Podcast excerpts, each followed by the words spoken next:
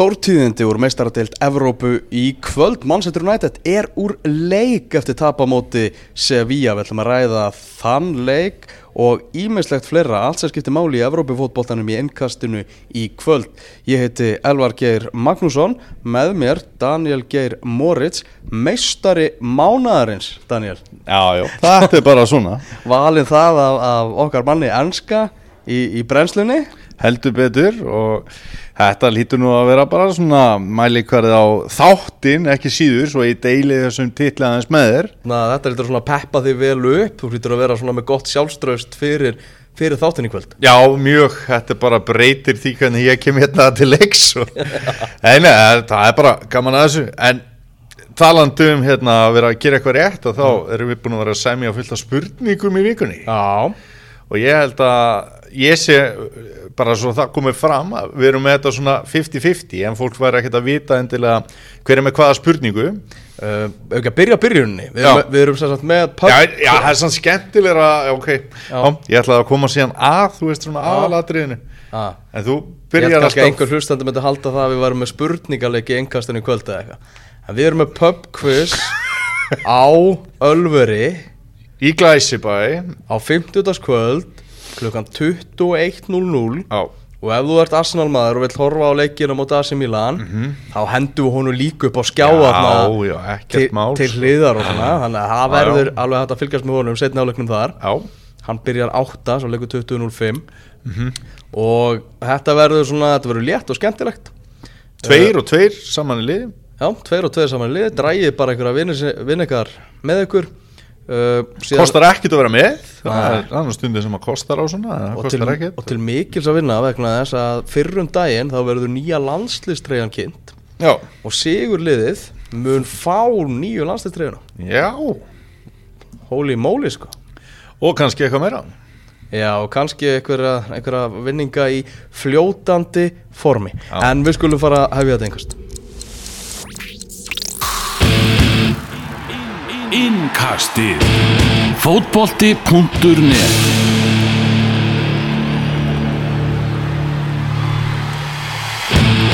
Heyrðu, Það eru stóru tíðindin, Daniel. Það eru stóru málin með lóu pynt sem við ætlum að, að byrja á. þetta er bara sko, nú er ég mögulega jafnvel bara meiri Mourinho maður en þú og þú ert Já. mikill Mourinho maður Já, já, og hérna það verður- verður svona kvimleitt fyrir mig að hann hefur aldrei stutt liðið sín ég hef haldið með en svo heldur maður svolítið með ennsku liðunum í mistaradildinni þannig að maður var svona United átáðandi svona gay for a day sko. Herðu þetta einvíi já. er mesta Mourinho ræpa á hans ferli.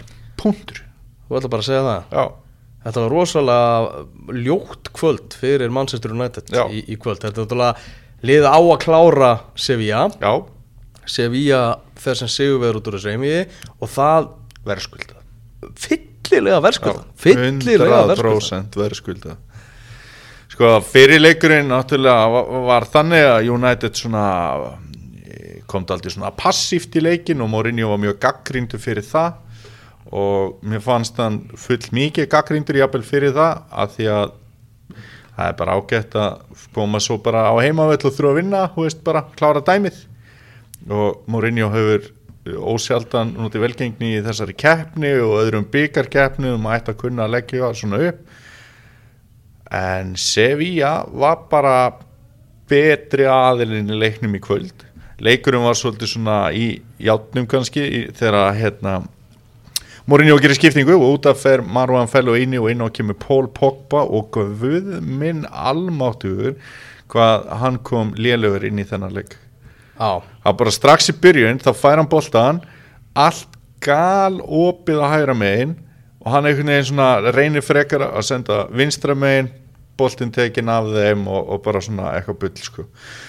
Fyrra markið sem að Sevilla skorar þá brásti eiginlega besti maður vallarins fram að því sem var Erik Bæ og það segir sitt um en að leika Erik Bæ var búin að vera besti maður vallarins.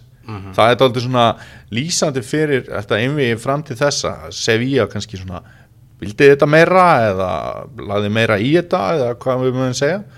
Og ha- hann var búin að eiga sko, stjörnutæklingu fyrir í leiknum. Bara ef fólk vil læra að tækla þá getur það að skoða tæklingu Erik Bæi hérna fyrr í leiknum Herri, hann klikkar algjörlega á Jetter óvænt stjarnakvöldsins kom inn á þessi varmaður Ben Jetter af öllum önnum heimsins. Og hann bara skora fram hjá Bæ og DG bara eins og hann hafi aldrei gert annað. Mjög yfirvegar herri, þetta hleypur náttúrulega öll í uppnám. Og United bara koksar. Sevilla fast leika stutt og eftir. Hvað sagði þau marga mennin í teg? Þrjá? Þrjá leikmenn. Ah. veistu hvað United hefur svona fengið mikið lof fyrir. Það er að vera með hávaksið stert lið. Og hann inn á voru Bæ, Smalling Pogba, Matic og Lukaku. Herri, það enda með því að Sevilla skorar eftir þess að hotspilnu með sína þrjámenn auðvitað voru þið kannski ekki allir þessi leikmenn inn í tegnum en mér er alveg sama. Og DG besti markmaður heims. Gjörsamlega klúra málið þarna. Það sem hann ætlar að slá- Já, það. sem hann ætlar að slá boltan og hittir hann ekki. Um, það þurfti enga marklínutækni til. Allir með þetta á hreinu og margdæmt gild. Já, sprótadómarinn, með Arnar augu hann og Já. fylg, fylgdist vel með þessu. Reyndar af hvað, 100 og- 153 cm færi? Og hérna, þetta var svolítið langt inn þannig. Það var mjög langt inn. Já. en samt vel gert það hefur alveg verið klikkað á svona atriðum og hérna Ó- og Sevilla- óþarflega oft. óþarflega oft líka, já og sérstaklega kannski þessi blessu sprótadómara sem maður hefur ekki alltaf fatt frá hvaða planið eru. Ja. samt eru við talsmenn þriðaliðsins eh, og Miklir. miklir. Herðu, staðan er 0-2 ekki bara í þessu leik þetta er í þessu einviði, United þarf að skora þrjú mörg og Sevilla átti þessa stöðu fyllilega skilið. Mourinho uh, ok, það voru margir svona bakkanu upp uh, fyrir 0-0 jafnteflið í fyrirleiknum. Það sem að hann ætlaði bara að fara til spánar bara með það að halda markinu hreinu nummer 1, 2 og 3 Já. og bara svo uh, ef það kem eitthvað mark frá United þá er það bara bónus. Uh, vissulega, náttúrulega búin að vinna þessa keppni tvísvar með Porto og Inter. Og svona mikið tala um það að það séu fáir sem eru betri í svona tveggja leikja Já, já. eins og Mourinho fekk mikið hrós fyrir sigurinn á móti Liverpoolin síðustu helgi þá bara verður hann að taka á sig að hann fær þunga fallengun fyrir hans taktík í, í þessu emi sko, þessi sigur er búin að nulla út gleðina frá helginni. Já, og gott betur en það allir stuðnismenn Manchester United hefði verið til í að skipta á því að tapa á móti Liverpool þess vegna 3-0 í niðurlægandi leik og við að fara áfram í eins og við erum búin að tala um það er bara staðan er þannig að- að annarsætið í hans skúrvastettinni Já. gefur nákvæmlega sama og fjórðarsætið í dag. Já, og 50 hesturinn er orðin haldur þannig sko. Já. þannig að Chelsea er að reyna svolítið svona stimpla, eða svona, já, stimpla svo leik. Já, já en auðvitað getur allt gæst United fór langleðum að tryggja sér annarsætið í, í, í þessu leikum móti Liverpool. Já, já. Uh, enda frekar í fjórðarsæti og komast áfram í, í meistaradeldinni alltaf skipta út alltaf alltaf. alveg bara heiklust sko. Þannig að Um, þetta setur bara tímabil Manchester United í mikið uppnám að því að þeir hafa átt svona út frá stigum ágætt tímabil þannig í deildinni. Spilamennskan ekki verið á pari við væntingar Manchester United en stigasöfninin hefur ekki verið ömuleg en þeir hafa aldrei verið í titilbaratu þessu tímabili Mhm. og þetta setur stöðu líka Mourinho algjörlega í aðra stöðu því að þeir uh, stuðningsmenn Manchester United menn sem voru mættir á völlin á Old Trafford Já. byggustu því að þeir var að fara að sjá tempobolta, pressu bara svona nokkurt veginn eins og þau spiluðu á móti Crystal Palace eftir að, eftir að voru lendir undir Já. þarna myndu þau bara koma og segja við erum United Já. þið eru Sevilla, við erum meistaradildin, þið eru Evrópadildin mm. -hmm. rátt fyrir að vissulega sé United ríkjandi Evrópadild og, og bara segja, segja við erum stóru strákanir sko. En og líka að þeir myndu mæta til leiks eins og þeir gerða á móti Liverpool. Já, þú veist, þeir, þeir Mourinho eins og hérna, hann kláraði þann leik bara á fyrsta hálftíman þegar hann hefði getað varist veist, Liverpool þurfti sjálfsmart til að skora í þeim leik. Yfirbyrði United voru mjög miklir á sunnudaginn Já, já eða á lögadaginn fyrir ekki En svo var þetta náttúrulega bara skemmtanagildið, þetta var dauðin á skriðbeltunum leiðilegt sko. já, Uh, Markus Rashford, svona einu sem var að sína glefsur sem var svona, úi, já. þannig er smá gaman. Já. Annars bara ríkalegt og Alexis Sanchez, já, trójuhesturinn heyrðu, kveitibröðs dagarnir, þeir eru farnir sko. Þú þarft að fara að gera eitthvað meira Já. sko. Hvað Trój, er, Trójuhesturinn segir þú, sem hvað, er- hvað er hérna? Hvað, hvað er mikið Tarján búin að gera í síðustu, síðustu leiki? Hann er búin að gera alveg flotta hluti. virkilega Já, já. Eh, Mourinho er búin að tala eitthvað um það bara Sanchez sé rosa duglegur mætir fyrstur og æfingar og, og hann muni fara að blómstra á næsta tímabili vera betri þá heldur hann er búin að vera núna. Uh, bara þegar þú ert að kaupa svona leikmann. Og, og svo er náttúrulega líka bara spurningin eiginleika sem Alexis Sanchez býr yfir. Já, uh, bara, þú veist, þetta er ekki ungu leikmaður. Nei, alls ekki. Hann er, hann er jafnvel gamall leikmaður. Ja, hann, er, hann, þú hann veist er dætt í þrítugt. Ha, hans bestu kostir þeir eru að hverfa hægt og rólega sko. Af hverju á þá að vera betri með árunum eða betra á næsta ári heldur, Nei, ég meina þetta er ekki hérna, leikmaður ef við höfum að tala um svona kosti sem að nýtast, ég meina bara til dæmis eins og við sjáum Sesk, Sesk Fabregas Já. sem er svona á svipum aldrei, hann er aðeins eldri hann geti spilað á sínum styrkleikum lengur held ég heldur en Alexis Sanchez Já, já það sem að hann má alveg vera hægur og þetta eru bara svona sendingar og eitthvað svona maður hefur átt verið að tala um Gilva sko Gilvi, Smári Já, í já. landsleikjánum og annað sko Gilvi reyður sig, ekki, sko. ekki á hraða Nei. eða neitt þannig hann er bara Akkurat. er með leiklasturinn og, Akkurat. og spinnurnar mm Já, þetta er hérna og Alexis Sanchez er líka ekki típa leikmanni til þess að breytast. Þú veist, þetta, hann er ekki Steven Gerrard sem færi sig bara aðeins aftar og breytist. Mhm. Þa, hann er ekki stannir leikmaður. Þannig að hans innkomin í Manchester United hefur hingað til hefur náttúrulega verið algjör vombriði og uh, hann átti ekki sitt besta tímabil hjá Arsenal fram að því að hann var seldur á yfirstandandi tímabili en hann náttúrulega kannski hausinn náttúrulega líka ekki verið rétt, skrú, rétt skrúaðar á eða hvað er. Miða við gleðina og píanospil þá hefði hausinn átt að vera rétt skrúaðar á og fara til Mourinho og Manchester United. Það er eiginlega bara eins og sko Mourinho hafi haldið að þetta væri annar útileikur í, í, í kvöld sko. Þetta var rosalega spes sko. eins og þetta verið bara einví á, á hlutlur og þú veist og þrátt þetta er Sevilla sko. Já, já, þetta er, þetta er magnað, þeir eru mirror með einhvern veginn hjá United. Já, DG og Valencia er að fá 6, Smalling 6, Bæ 7 Young 6 það er eitthvað voðalega, jákvæðar í þessu. Matit 6 fæla inn í 5 Lingard 6 Sanchez 5 Rashford 6, Lukaku 7 ég hefði ekki farið svona hátt. Nei, þeir eru eitthvað ef við höfum að tala um meðaleikuna kannski einstakar leikmenn sem að þeir, eh, sem að geti sammast um tölu en þeir voru að tapa á heima á móti Sevilla sko. þá er ekki einhvern veginn bara 6 og 7 og allir happy sko.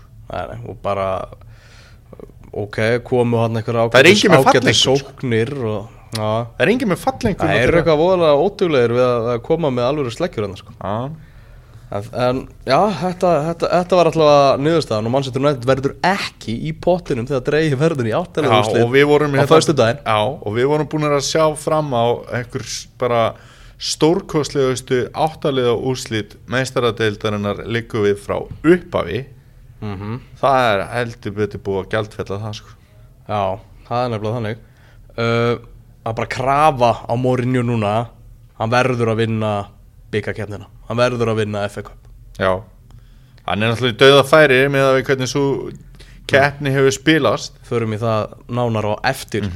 Uh, förum aðeins í þennan sigur Manchester United gegn Liverpool. Það er ekki einhvern veginn svona það er einhvern veginn galið að, tala um þann leik í kjölfarið og þessu leik í kvöld. Já, já, vegna þess að þetta var bara svart og hvít hjá, Já. hjá Manchester United. Þar var að vera að tala um bara taktís, taktískan sigur Mourinho uh, Marcus Rashford í þeim leik náttúrulega stjarnan með sinn fyrsta byrjunar, byrjunarleik síðan um jólin. Mm uh, meðan Alexis Sanchez er svona off og bara er nánast í felum á, á löngum köplum já, þá er, hefur Rashford þurft að setja á bekknum. Já, uh, hann er sá leikmaður sem hefur liðið mest fyrir komu Alexis Sanchez. Já.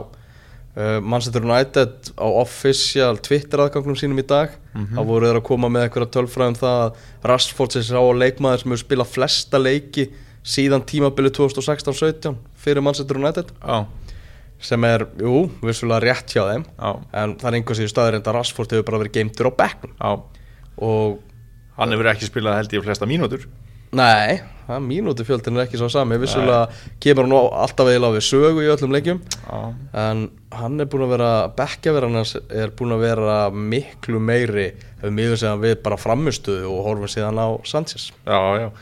Og framlag hans til leiksins átti Liverpool var til eftirbreytni. Mm. Að dróða hans af honum hérna í setni hálfleik og, og það er eðlilegt en, en hérna hann þetta er svona alltaf því svolítið einstaklings framtöka sem mörg þannig að hann átti náttúrulega frábæran leik og, og, og síðan hérna kemur þetta grínmarki á Erik Bæ sem er eitt flottasta sjálfsmár sem maður hefur séð sko. það var erfitt fyrir sóknamann að leika þetta bara eftir sko.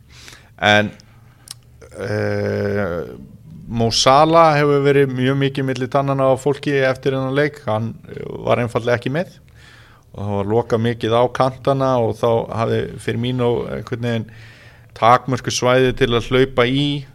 Uh, Henderson sem kom vel inn í, hjá þeim um daginn hann uh, var bekkjaður í þessum leik. Uh, mér finnst það pínu skrítið. Og svo er hann að trend Alexander Arnold. Það er náttúrulega leikmaðurinn sem að Liverpool hafa kannski verið að svekja sig mest á. Og voru heitar umræður á Twitter og stór orð hjá Liverpool stuðnismönnum í hans skarð nú? Bara, bara burt með hann eða veist, bara hann er ekki nógu góður strax og það var alls konar svona setningar sko, hann fá svona heldur mikið á baukin, hann vissilega síndi afleitan varnarleik í fyrramarkinu. Alveg afleitan. Hann síndi það í þessum leik að þessi, þessi leikur á þessum tíma var ofstór fyrir hann en á himbóin, þetta er ungu strákur Já. sem er að spila sitt fyrsta alvöru tímabil. Já, þetta er sko Liverpool strákur út í gegn. Algjörlega sko. hann, hann bara hann býr og hefur búið fjölskyldunars bara við Melwood æfingasvæði í Liverpool. Og hann, þú veist, sagði frá því viðtala á dögunum að, hann var skilur að klifra upp á girðingar til að fylgjast með æfingum hjá Liverpool til að sjá, sjá legendin í, í gamla daga sko. Og meða við þá leikmenn sem hafa verið í standi hjá Liverpool á þessu tímabili sem hafa kannski þvælst þarna í bakurinn að þá, þú veist, Emir Khan hefur spilað hæri bakur það- ég trú ekki að er ekki- Liverpool hafa verið að kalla samt eftir hún burt sko. Nei, þú veist, það var bara Nei, kannski ekki burtskilur En eitthvað bara svona og Gómez hefur verið að spila þarna James Milner getur spilað þarna. Eh, Mér finnst hann betur en þeir allir í þessari stuðu og hann hefur átt flotta leiki og þetta var oft dagur þannig að ég held að menn þurfa nú aðeins kannski að slaka á þegar að kemur að svoleiðis hjá einmitt Liverpool hjarta. Að, að þarf ekkert að skamma hann eftir hennar leik, hann sér alveg um það sjálfur. Getur hort uh, í framtíðinni tilbaka og hugsa þarna lærði ég mest. Já, nákvæmlega. Ef, ef, ef hann er með hausinn til þess að verða afbyrða fótbollamæður sem mjög margt bendi til. En auðvitað er hann náttúrulega ekki fyrst í kosti Liverpool í þessar, þessa stöðu en þeirra hægri bakur eru búin að vera meittur í allan vetur og mér hefur bara fundist hann koma flottur inn en hann náttúrulega síndi afleitan varnarleiki í þessu markið þarna fyrra markinu. Svo fær hann boltan í sig í setna markinu þannig að það er svona þetta var svona dagur en það sem ekkert gekk upp. Já. Það var annar leikur í meistarartöld Evrópu í kvöld þar sem að Róma vann 1-0 sigur á móti Sjaktar Donetsk, þetta er Dzeko með markið því einvið þannig að Róma komst áfram á eh, fleiri mörgum skoruðum á útivelli. Skoruðu tvíveðis í Úkrænu 2-2 samtals í einviðinu og bara við sem aðdándu keppninar fögnum því frekar að fá Róma áfram heldur en, heldur en Sjaktar Já, já, það er alveg hægt að færa rauk fyrir því og, og hérna en svo er það sko, til þess, þetta er ég með smá svona spurningu varandi dráttin á föstudaginn. Hvort langar þið meira að Róma og Sjaktar drægist gegn hvort öðru þannig að við fáum þrjár geggjaða viðregnir þarna Róma og Sjaktar Nei, hérna Róma og Sevilla drægist sagt að þau mætist. Eða að þau drægist gegn sterkara anstæðingum upp á að fá betri undanúslit undanúsli Já, Já, klálega. Einmitt, ég sammálaði Já, En þetta er náttúrulega lið sem að Þetta er ekki lið sem er að selja sjómas áskriftir sem eru komni núna í áttalegu úslit í meistaradildinni Nei, sko. og fylla barina og, og það. Nei. Uh, á morgun er náttúrulega tvei leikir. Það eru tvö laus sæti ennþá í, í pottinum eða eitt laust sæti því að uh, Besiktas Bayern München hann verður fimm á morgun. Já, bara að vekja aðtikla á því. Bayern München vann 5-0 sigur reyndar í, í fyrirleiknum já, þannig að það er alltaf gaman að horfa á Bayern að spila. Uh, þeir geta orðið meistarar Bayern uh, um helgina. Pælti því. Það er 13. mars. Þeir geta orðið meistarar Já, þeir geta uh, tryggt sér meistaratitil um helgin ef liði vinnur uh, RB Leipzig. Já. og bæði Sjálke og Borussia Dortmund mistekst að vinna.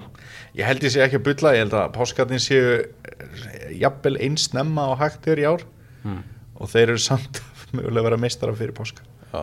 Það er klík Það er rosalegt. Hinleikurinn á morgun er náttúrulega Barcelona á móti Chelsea. Já, 1945 hefst hann á nývangi Barcelona með fleiri spil á sinni hendi eftir eitt eitt jafntefli í fyrirleiknum. Já, uh, Fabregas búin að tala um það að hann sé tilbúin að láta Messi líða óþægilega já. í þessu leik, mjög erfitt að fá Messi til að líða óþægilega á, á núkamp. Já, ég held það. En Chelsea hefur gert það. Já, þessi lið hafa náttúrulega átt sér langa sögu í, í meistardeldinni Já. Og í fyrirleiknum skoraði Messi sitt fyrsta marka móti Chelsea. Já. Og Chelsea uh, átti svona meira í þeim leik þó að það sé ekki svo gerðið að segja að jafntefli hafa ekki verið sangjönd úsliti úsliti eru alltaf sangjönd í fótbolta. Það er nú eins og þannig. Þannig að það verður mjög forunlegt að sjá Konti nálgast þennan leik. Hann talaði til dæmis um það gegn Manchester City um daginn þar sem að hann bauð upp á umurlegt upplegg og þeir töpuðu í frekar döprum leik þar sem að Chelsea gerði ekkert til að reyna að fá stig. Þá talaði hann um það ef þeir hefðu spilað öðru sig að þá hefðu bara tapað 5-0 eða hvað hann sagði skilur og þeir eru allavega að tapa stærra. Eh, Barcelona er eh, svona dálítið svipa lið og Manchester City. Þannig að en hann verður að skora í þessu leik þannig að ah, já. Þarna var sungið fyrir hann í 2-1 sigurinn um gegn Crystal Palace. Og það hefur svolítið verið gert. Hann hefur alveg verið að fá stuðning úr stúkunni sko. já, þrátt fyrir að uh, íslenskir Chelsea stuðningsmenn og, og náttúrulega margi fleiri Já. hafi verið svolítið mótfallnir Conte. Hann er náttúrulega gerðilið að englandsmeisturum Já. í fyrra. Já. Og, og mjög margir orðni leiðir á þessum tíðu skiptum sko Já, já, algjörlega. Uh, en það, Conte er náttúrulega förum aðalega vegna þess að það er eitthvað mikið í gangi hérna bak við tjöldin. Já, og Conte er ekki alveg, alveg að fíla sig. Næ, en þetta er risalegur já. fyrir hann. Þetta var náttúrulega, hvað var að segja, næst skemmtilegasta einvið sem hafa bóðið upp á í, í þessum 16. úrslitum. Mm. kannski eftir Real Madrid PSG, svona fyrirfram sko. og Barcelona klárar þetta morgun, eða ekki? Jú, ég held að Ég held það líka, ég held að sé bara aðeins svo mikil deyfð einhvern veginn yfir Chelsea liðinu og og Barcelona bara eru með, með þennan mann sem heitir Lionel Messi já, já, og svo eru þeir líka með eitt frá Úrugvæði sem er ágættu sko, þannig að þeir Já, henni kallandir eru að líka er alveg rétt. já, já. og svo er það með yfirleitt ágættu stuðning á heimaðil en þetta er náttúrulega besta íþrótt í heimi og það getur allt gest og við sáum það í kvöld þannig að það var aldrei að vita. En talandi náttúrulega um Conte og við erum búin að tala mikið um Mourinho og þá verðast þeir vera búin að grafa stríðsöksina, það eru búin að vera fréttur um það. Já, en það er alltaf svona, svo minnumst aðeins aftur á United, svona grátt broslegt einhvern veginn að Mourinho hakkaði Frank de Boer í sig í vikunni sko. Ég held að Frank de Boer hefði haft mjög gaman af því að, að horfa á leikinu kvöld. Ég held það líka, ég held að hann sé skellandi skelli hlæjandi einhvers staðar á búb Já, hann sagði bara að náttúrulega Frank de Boer væri bara lélegasti þjálfar í sögu ennsku úrvalstættarinnar Já. Hann getur örgulega stimplað sig á þann lista top 10 lélegustu og þá eh, myndi það líka myndi líka skora hátt þar að því að væntingarnar voru náttúrulega ágættar Já, tók hann við Kristal Palace í fyrra fyrir þá sem ekki muna átti stutt innlitt Já, stutt Já, það er er óvægt að segja það. Herru, vindum okkur aðeins í leikjuna sem voru í ennsku úrvarsleildinni um uh, helgina. Já, uh, 2-0 sigur Everton gegn Brighton. Þar sem við maður við þurfum náttúrulega að ræða þar eru meðsli Gilva Þórs Sigurssonar já. Uh, Einar Óli Þorvarðarsson, sjúkraþjálfari Vals. Og bekkjabróði minn úr grunnskóla. Já, og, og hvað er hann, seiðfyrðingur eða ekki? Nei, hann er nú norðfyrringur sko. Hann er norðfyrðingur Já, en hérna á ættir að rekja á þessu og spilaði með huginn rétt eins og fjaraðbyrð reyndar Já, Hann er, er sjúkraþjálfari Íslandsmeistara Vals og uh, hann var í viðtali á, á .net. Ég trúi við ekki að liðbaldi sér slitið með að við spiltíma og áverkan á myndbandinu. Verður svo óstöðut við algjör slit að maður á ekki að geta spilað áfram seg, segir hann hann Mhm. Uh, þetta eru liðbandameðsli sem að Gilvi Þór Sigursson var fyrir. Uh, einhverja bólgur hafa gert það að verkum að það þurft að býða eftir niðurstöð það hefur ekki verið hægt að sjá svona nákvæmlega hvernig meðslin líta út. Uh, einhverja sögursaknar í dag mjög óstaðfestar að þetta væru sex vikur. Já sem að fyrir okkur stundum er íslenska landslið sem er það algjör draumur. Það er bara á mistur hann að restina af, af ennsku úrvarsleitinni Æfir eins og skeppna við þekkjum að rétt.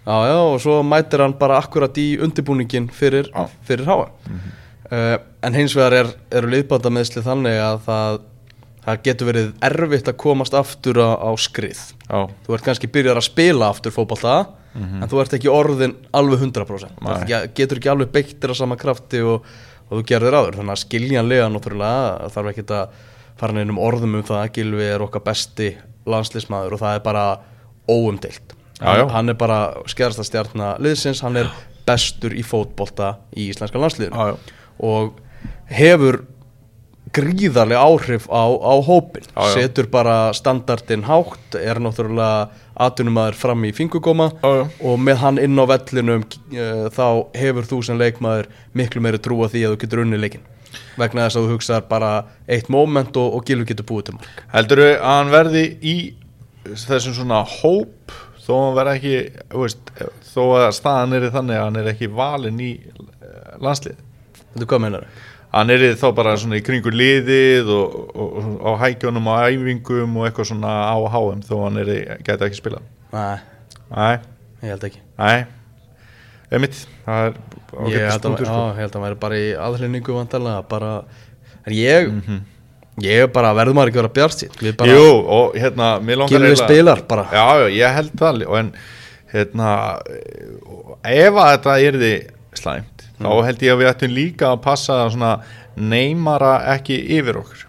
Og veist eins og Brasílium en gerðu hérna á síðasta heimsmeistar á móti að þá kláruðu þeir bara svona karakterin sinn með því að sökva sér í vandamálin já. uh, Orkan, Þetta- orkan fór bara Orkan í, fór í í, í og- sem hann var ekki að fara að spila. Nei, og, og Gilvi er okkar neymar, hann er stjarnan okkar og okkar besti maður en hérna það þarf þá bara að leggja þetta einhvern veginn öðru sig upp og, og gera gott úr því. En ég held að við séum alltaf að fara að sjá Gilva og mögulega bara í Everton treyjunni fyrir áðan sko.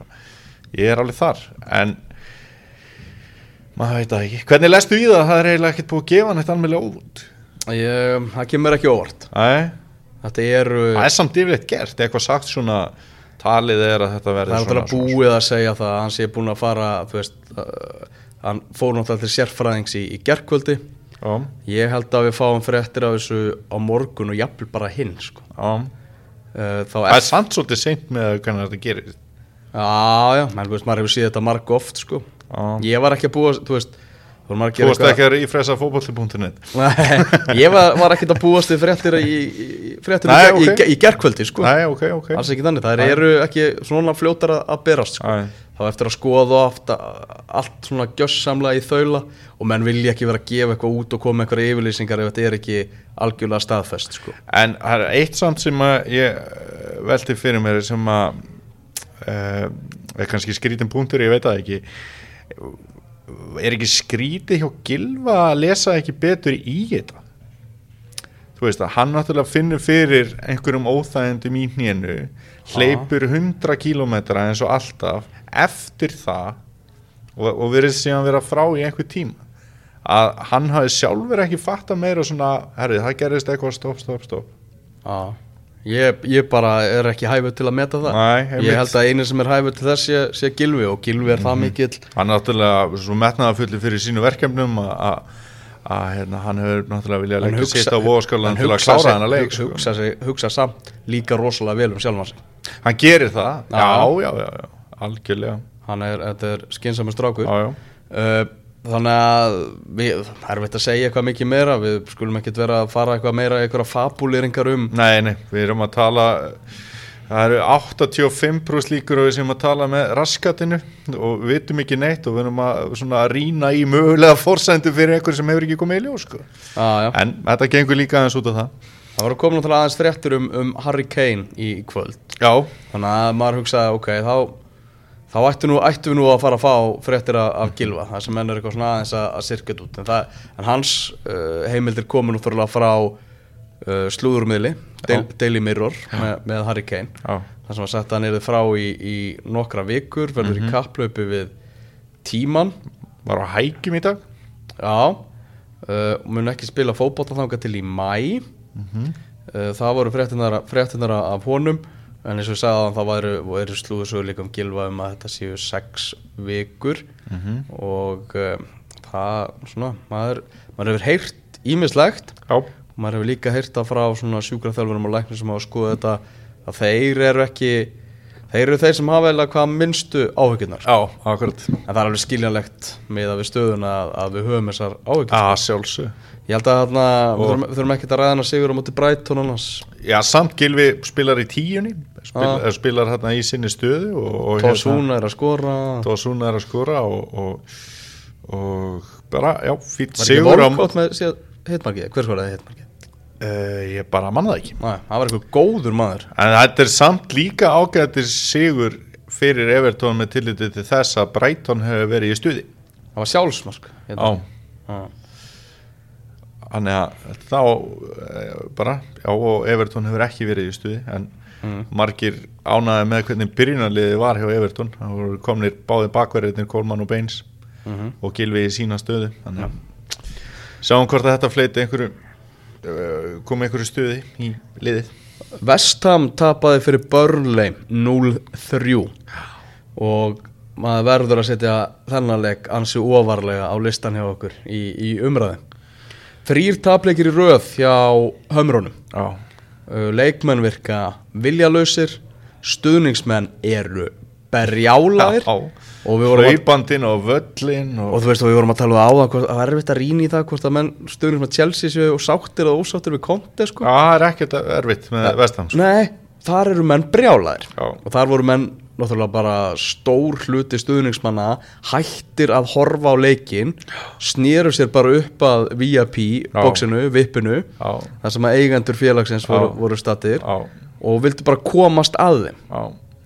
Uh, það var náttúrulega vel gert hjá hérna börnleði hleyftu nokkrum ungum krökkum inn á varamannabækjasvæðið hjá sér Já, sem voru hérna á þessu svæði þar sem var þessi hitti í gangi þannig voru litli krakkar, hérna vestamkrakkar sem að skítrætti bara. Já, fóru bara, bara í meira öryggi á, á bara bekkin hjá börni vel gert, því að mjög vel gert. það hefur verið vesen á þessum olimpíuvelli þessum London Stadium. Já, það hefur náttúrulega líka bara verið vesen og stuðningsmunu vestam bara frá elstu menn muna sko. um það hafa verið gerað kvikmyndir og annað sko. Já, heldur betur.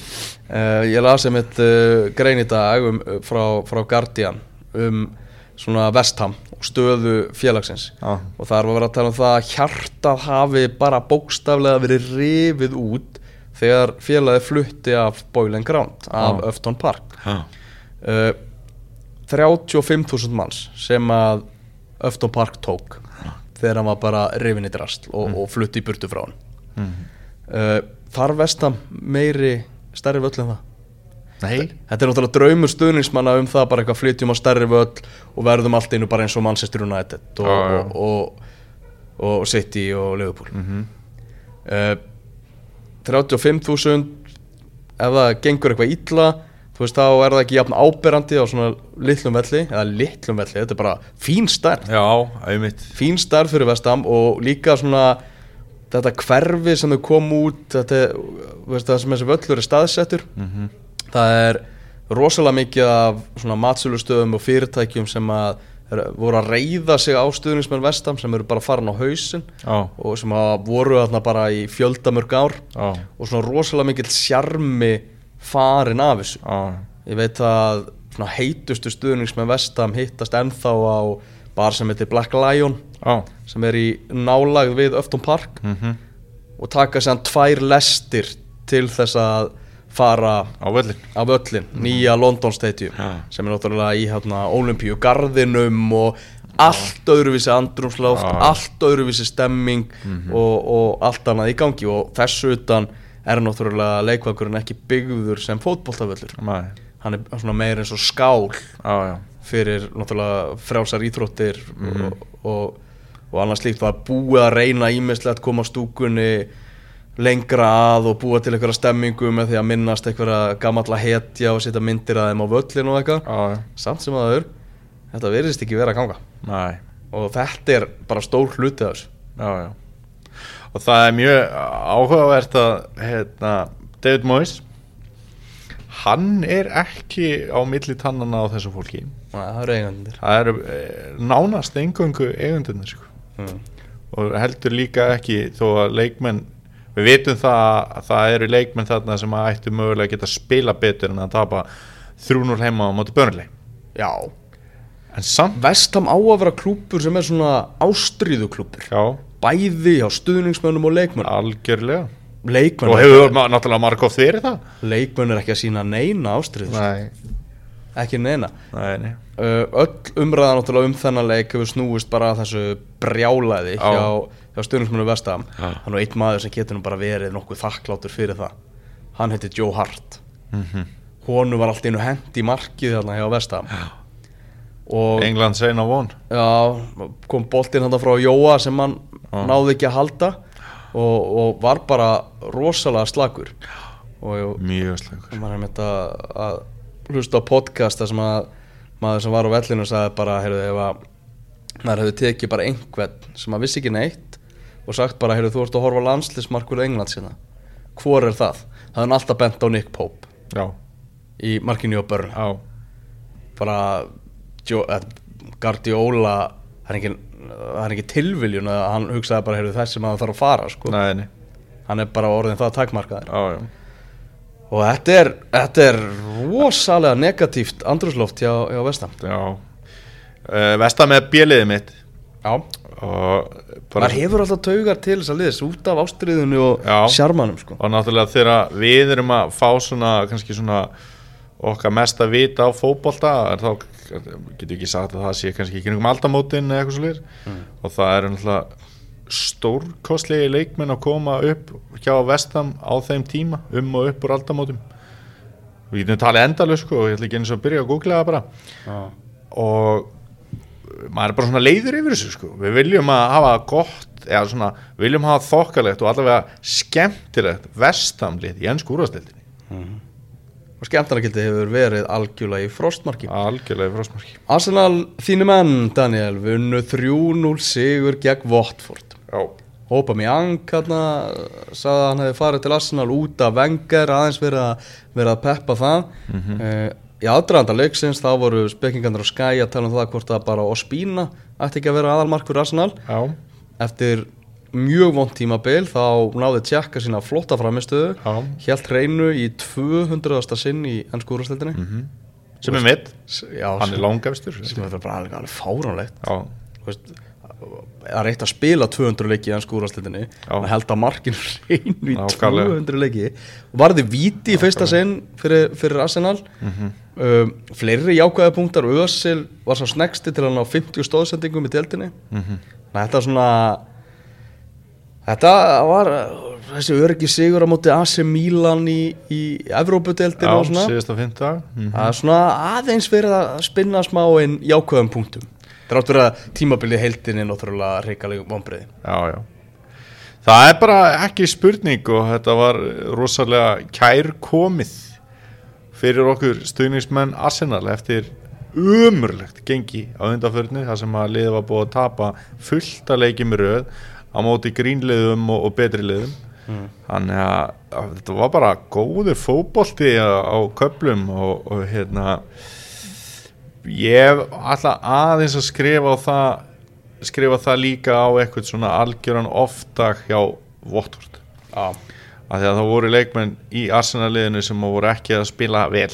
Mm -hmm. Kolasiniak var ekki merkilegur í þessu leik og Alex Iwobi framlega hans í sóknarleikin var mjög takmarka og eins og alltaf því miður en einmitt Özil og Aubameyang flottir maður leiksins það er ekki tróju hestur alveg menn. Henrik. Henrik Mkhitaryan. Ah. hann var þarna mjög flottur og, og var maður leiksins kannski ja, geti kannski svona fengið að lifta þeim byggar ef við notum þá hérna, samlíkingu með Petr Cech sem var mjög góður í þessu leik. Algjörlega. Og Mustafi líka og vonandi kannski gefur þetta og honum smá pepp. Hann skora hann að glæsilegt mark. Mm. einmitt eftir aukarspinnu frá Ötsil Þú sendir mér þarna linki í dag mm. á síðu sem að heitir Tribal Football Já, er, sem svona- þú þekkir betur eldur en ég. Já, og, og þetta er svona síða sem að byrtir allt. Hún, hún heyrir eitthvað og þá bara, já, hendum í fréttum þetta. Þannig að áreðanleikin er lítill Já, En vissulega náðu, þú veist, ef þú skýtur endalust Já. Þá skorar þú nokkru sinnum. Já, já. Og þeir voru að tala um orðurum um það að Vengar myndi tilkynnað á fréttamann að funda á föstudaginn Að þetta er það síðasta tímabil. Já, Ég ætla ekki að trúi þessu. Mm En áhugaverð umræðan. Já. Og skalan með til tíu mm. Hvað finnist þér þetta jákvægt bæði fyrir Arsenal og Wenger? Ástæðan fyrir að ég er svona einhvern veginn hugsa að þetta er möguleiki og bara tekið það eins upp hérna í, í engastinu er svo að ég hugsa ég er þetta ekki bara nokkuð sniðu hugmynd? Já, að bara segja þetta núna uh, það róar aðeins stuðningsmenn Arsenal já. og þeir geta aðeins fara að hugsa um heyrðu munið þegar Wenger gerði þetta fyrir Já. okkur og, og fá aðeins svona Já. jákvæðari tón á umræðunum. Já, þess vegna þess vegna svona hugsaði hvort það væri nokkuð það galið. Já, já, ég mitt. Uh, Vor, vonast þú eftir þetta sé satt? Þú veist það, Elvar, þú mátt ekki spyrja Arsenal manna að þessu held ég Þetta er tilfinningarík Þetta er svo tilfinningaríkt en já, verður bara að hafa það sko. Bara stundum hérna stundum þarf að hætta saman og vera bara vinnir en, en hérna talandi um vinni og Arsenal þá var mér búið í, Facebook-grúpu sem heitir Arsenal vinnir Já, sem að hérna, búin eru með margar grúpur já, ég held að held að það sé alveg rétt. Ég hef einhvern tíma verið í svona grúpum og, og hérna verið sparkað út? Nei, já, nei. Ég hætti að því að hérna, kommentum frá mig var eitt. Já, það, það er rít sko Það var umræða um eitthvað og hérna eh, ágættur Arsenal aðdáðandi hann var ekki saman með mér þannig að hann eitti bara út því sem ég sagði sko. þannig að þá skrifaði ég bara inn að mér þætti það fyndið og þakkaði bara fyrir mig Alvöru pólitík í þessu. Já, var, þetta, var, þetta var mjög sérstætt ég hef verið í alls konar grúpum þar sem er verið að ræða eitthvað sem skiptir meira máli heldur en kannski eitthvað svona. En þetta, hérna þarna eru menn svona að veita hverju svona meiri sáluhjálp og, og, og, og svona sko, og, hérna, einmitt Einar Jónsson er þarna á meðal og hann skrifaði þegar Mustafi skoraði. Ég hef alltaf haft trú á Mustafi sem að er náttúrulega ekki satt held ég og, og hérna, hann er svona glens og þar var einmitt þessari eh, frétt eða, eða grín frétt eða hvað þetta er sem að þú varst að vitna í sem ég sendir. Já, hún, ég sá inni og það var bara gaman að því. Stökkum yfir nokkra aðra leiki Bournemouth 1, Tottenham 4 Ég, mér leist ekkert á Tottenham í upphafi leiks, vistist vera svona þinga frá þessum Juventus vombriðum. Það er ríkalegt að vera betra liðið í tveimur leikjum á móti Juventus en, en samt tapa innvíðinu.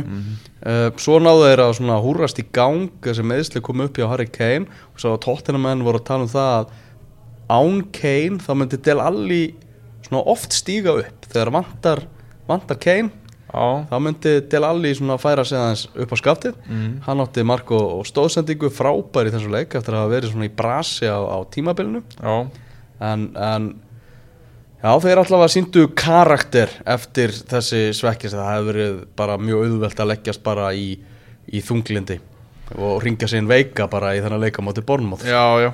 Og hérna, þetta var torsótt þetta var svolítið lengi að koma. Það var hérna, mörg Já. sem að kom í lokin og, og þetta að vinna sig úr þingunni skemmtilegasti ég ætla að segja það, ég ætla að segja svona skemmtilegasti karakterinn í ennsku úrvarsdeildinni þetta tímabilið var þarna á skotskónum.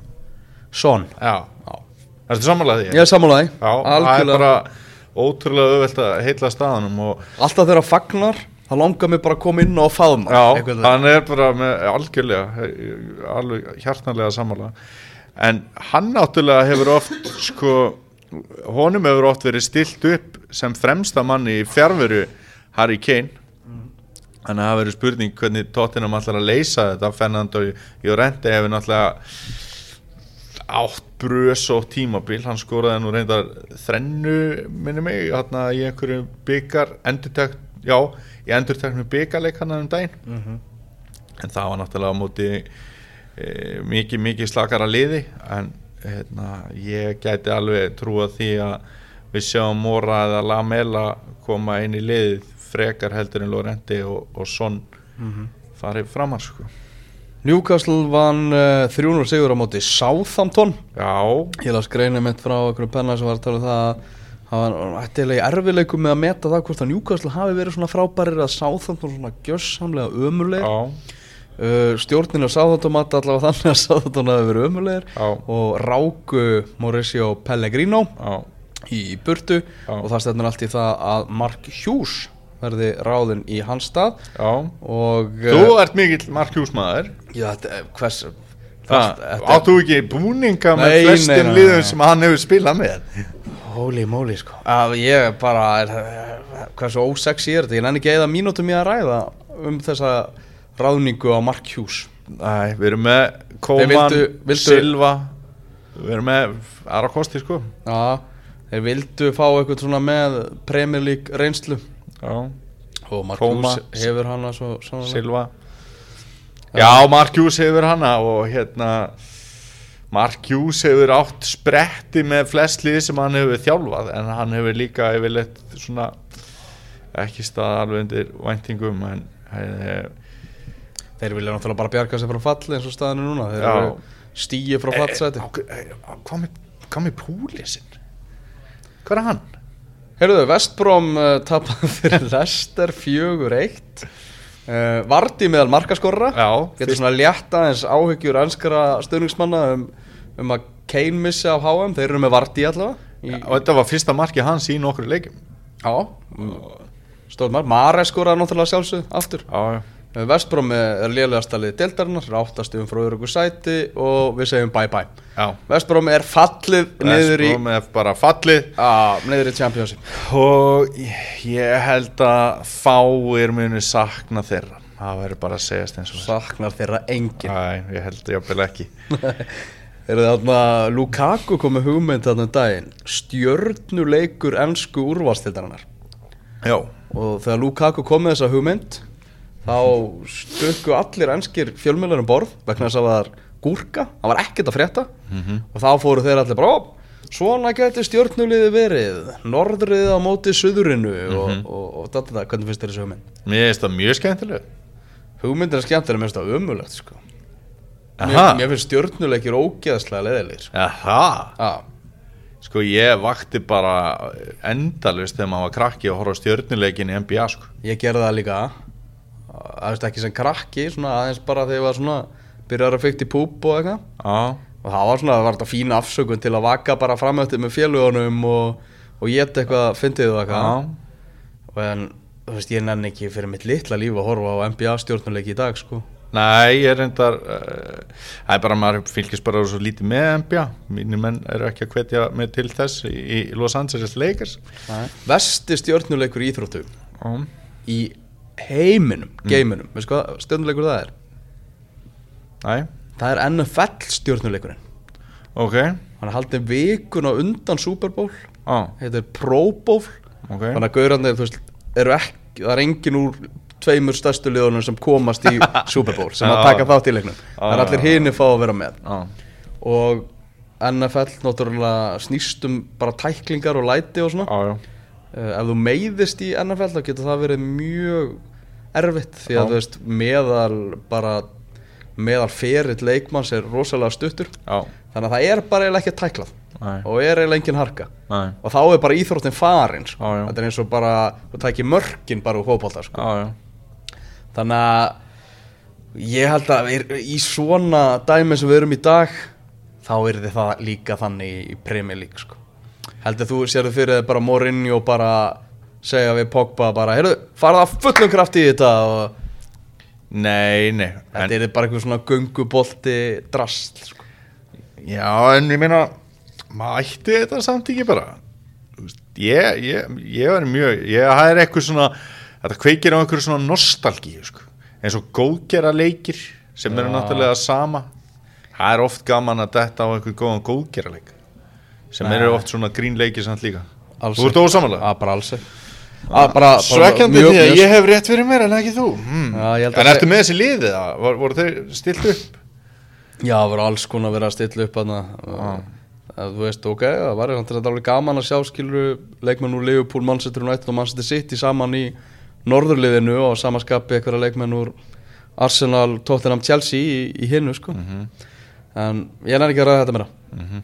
Byggarkeppnin, það er byggarhelgi það eru áttalega úrslit byggarsins nú ætla þú bara að segja hvort liðið fer áfram. Við erum að tala um Swansea Tottenham á lögadaginn Já, ég ætla að segja tóttinam fara áfram. Um kvöldið ef þetta er rétt um mér 1945 Manchester United Brighton á, á lögataskvöldi Já.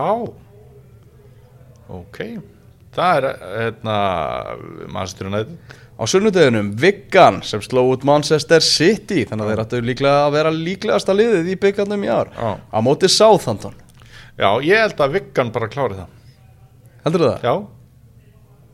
Heldur það verði ekki ennþá Það bara er samt, það er svo mikið svona uh, Stjórin er farin Berjumst og, og eitthvað svona Þú veist. Mark Hughes mættur og Já, jafnvel þó að það væri ekki komið Já, og það verður alltaf komið stjóri fyrir þennan leik. Já. En það sína sem fyrir nýja stjóranum Ah, ég ætla að segja Viggan. Ég, bara það var ekki ekki að Viggan í undanúrslit. Leicester á móti Chelsea. Uh, Er það, hérna erum við með byggarmeistarana þína? já, Leicester, Leicester. Já, já, sendu það áfram bara. Já, það ekki? Jú, Leicester, Viggan, Manchester United og Tottenham í, í undanúrstum já, Þetta er, þetta er áhugavert. Uh, Ég horfði á fullt af fótballtalegjum um helgina. Rosalega horfði ég á marga fótballtalegjum Og þar á meðal var Hafnar Boltfélag á móti Klaksvík. Já. Í Eða fyrst, HB eins og það er svona. Já, fyrsta umferð færisku deildarinnar. Mhm. Þeir eru bara byrjaðir færingadir Men við erum eitthvað ennþá bara Já, já, það fer nú að styttast í undanúrslit lengju byggasins Já. Það eru bara færingadir byrjaðar með sitt mót. Hvað er langt síðan að hefði geta verið farið deildakefni í ganga á Íslandi með veður? Já, sko, færingarnir hafa það vissulega fram yfir að það gerfi græs á öllum öllum Já, og það er líka mildara veður náttúrulega Það er ekki, Já, já. það er minna um klakabrinnir og svona Já, já. Og þeir spila með tíu liða deild þar sem er spiluð þreföld umferð. Já, Þetta er, þetta er skemmtilegt. Heitir betri deildin sem er besta nafni sem er besta nafnin. Bara þú veist, þú getur nefnt hvaða deild sem er. Hver er, hver er besta deildin? Betri deilin Bara betri deildin er betri en, en hinn deildin. Það er bara svo leiðis. Betri banki í, í færum. Já, Og ég, þetta var, var skemmtilegt. Trátt fyrir að ég hafði náttúrulega haldið með, með Heimi Guðjóns og, og félögum. hann byrjaði ekki vel Hann byrjaði ekki vel. Æ, Það er ótt að segja það. Uh, Neymar til Real Madrid. já, Þessi saga kemur upp aftur og aftur og aftur kom meðal hans upp í dag já, þar sem að sagt var að Neymar vildi bara ganga frá því að fara til Real Madrid áður en HM myndi hefjast já svo þurfti ekki að vera að hugsa um sín mál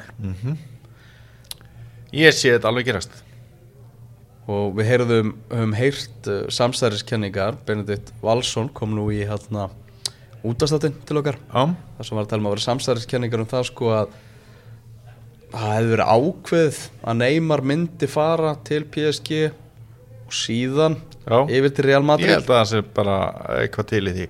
Til að sleppa við það að fara beint frá Barcelona yfir til Real Madrid. Það eru rosalega margar sögur í, í þessu máli Já. en engin svör hinga til hérna það var rosalegt þegar Louis Figo fór á milli. Ég held að það sé Svínsöfuðin og já já og bítin hans var brendur og það var alveg svakalegt sko. ég held að það sé eitthvað mesta brútal sem maður hefur séð. Englendingarnir hafa þetta ekkert það er náttúrulega ekkert jafn mikið um að menn fara þarna á milli. Það er náttúrulega haugur af leikmennir sem hafa farið á milli Real Madrid og góð Barcelona. gæsla, þið passa upp á það að svínsöfuðin séu að það getur að smigla þeim inn já sko. bara eins og þegar Sol Campbell fór í Arsenal. Já, veistu hvað, hérna tóttinam stundum sem hann gerði já. þeir mætti með blöðrur sem stóð á Júdas. Það er dúlulegt já. Ítalía. Eitthvað svona keift í Costco dæmi sko.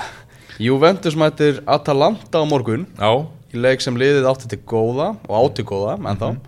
Og Juventus getur náð fjögur á stega fórustu á Napoli. Já, og þá er ansi erfitt fyrir Napoli að- að elda já. strákunni Juventus sérstaklega þegar þeir vinna alla fótbollaleiki samanþrátt fyrir séu slagir eða góður sko. Ég horfði aðeins á leik Napoli um helgina. Á móti Inter. Á móti Inter, þínum 0-0. mönnum Já, þetta var ekki merkilegu leikur. Nei, eða mikið orðum í hann það eins Balotelli hop du, du, du, du. Þegar ég veit ekki, það, ég held að sé bara í vikunni Já, sem að ítalska landslið verður tilkynnt já, og það er umræður um það að Balotelli geti dottið þarna inn sko. uh, Af hverju ekki? þeir eru að vinátturlandsleiki gegn Argentínu og Englandi. Já, Luigi Di Biagio er, er hérna, bráðabærast þjálfari ok þeir eru náttúrulega ekki á leiðin á, á HM eins og, eins og allir vita. Mhm. hann er allavega klár og Balotelli var einhverju viðtali. Já, það er bara ef að símtali kemur þá er ég klár, hann hefur ekki verið í landsliðinu síðan 2014, Æ, það voruð ansi langt síðan það verður hátíð í engastinu ef að Balotelli dettur aftur Guð í ítalska sko. landsliði, guðminn almatur það væri bara geggja og, og það myndi held ég líka bara auka svolítið áhuga ítala á landsliðinu sínu á erfiðum stundum að fá Balotelli að inn sko. hann er með góða skapið hann, er- já, það er ekkert alltaf en ha. hann er allavega vekur umtal Á fimmtudaginn mætið á Ölver, við erum með pubquiz klukka nýju, kostar ekkert að taka þátt, Já. það verður allt flæðandi í veitingum, tveir saman í liði. Tveir saman í liði, þetta tekur bara einhverja, klukkustund einn og hálfan. það er líka, alveg- já já og það er líka hérna getum við ekki alveg sagt það að menn geta svona prófað upp á fönnið að mæta stakir eða vera engin með og við getum það bara að hjálpa einhverjum að para saman Já, já, er minnstamáli. minnsta máli sko þannig að það þarf enginn að vera feimið við okkur okkur drengina sko Nei. Herru, yngastinu er lokið þessa vikuna, við erum á leiðinni í smá frí, Já, þú Land, ætlar að- landsleikja frí. þú ætlar út fyrir landsteina Já, ég er að fara að skella með til San Francisco á fyrstæðin, já það er framöndan leikur. það er að skoða brúna ég ætla að skoða Brúna og Alcatraz og, og svo er hérna St. Patrick's Day. Er, er á lögadaginn og að og þeir halda vel upp á það vist í San Francisco. Ég, ég hlakka mikið til að sjá það. Uh, aðalega er þetta samt vinnuferð. Ná, já, nú, já, já, ok, ok. Við erum að fara að keppa móti Peru og Mexico landsleiki. Uh, fyrirleikurinn í San Francisco setni síðan í, í New York. Já, þannig að einhver þarf að taka á sig að, að vinna þessa vinnu og, og ég fekk það hlutskipti að þessu sinni já, Þannig að ég er á leiðinni til bandaríkjana, við mætum ekki aftur fyrir en bara í byrjun apríl. Þetta halda bara jafnvel 1. apríl já og ég er ekki að ljúa. Þetta var ekkert grín Þetta var ekkert grín. Hefur, þú komið á þetta bandaríkina? Aldrei. Já, það Það er nefnilega skemmtilega við þetta. Sko. Þetta er fyrsta sinn til bandaríkjana. Sko. ég hef komið þar tvisvar, Já, einu sinni mjög stutt en svo fór ég nýjara í, í, í ferð og fór í Disney World Mm. og ég ætla bara að segja það bara, það ætti að vera bara einhvers stað skráð að öll börn ætti að upplifa það að fá að fara í Disney World já.